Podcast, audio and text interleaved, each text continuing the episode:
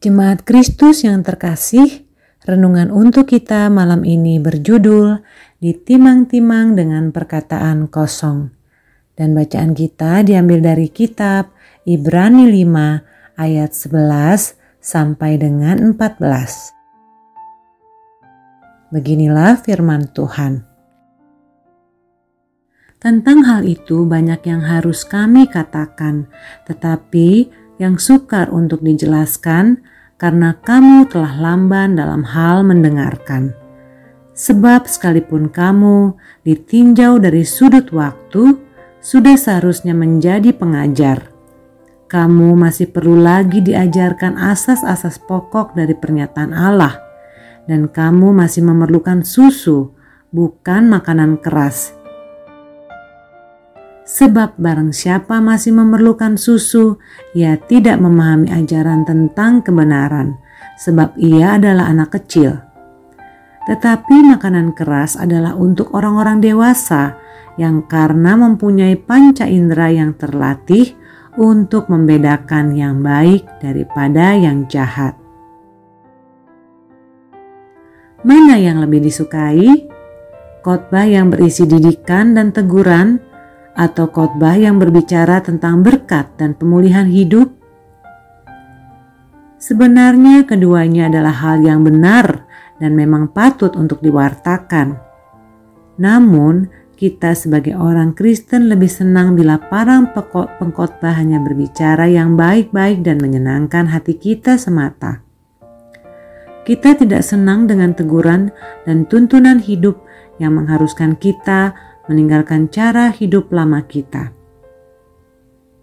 Seringnya kita dengan cepat menuduh bahwa pengkhotbah itu sedang menyindir dan menghakimi kita.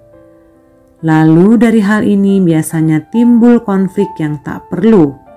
Kita menghakimi pengkhotbah yang sebenarnya memang tulus dalam mewartakan firman Tuhan tanpa embel-embel apa pun diperlukan kedewasaan dalam menerima firman Tuhan. Penulis kitab Ibrani bahkan memakai perumpamaan orang-orang yang tak siap ditegur, disamakan dengan bayi yang masih belum bisa makan makanan yang keras. Kalau kita menyadari sebenarnya ini adalah teguran yang sangat keras bagi kita yang tak mau mendengar didikan dan hanya mau ditimang-timang dengan perkataan kosong yang hanya menyenangkan telinga dan hati. Sudah saatnya kita menyadari bahwa kita juga harus beranjak dewasa, tak hanya secara fisik, tapi juga dalam kehidupan spiritual kita. Jangan terus-menerus hanya menuntut apa yang enak bagi telinga kita, namun tak memberikan pertumbuhan pada diri kita.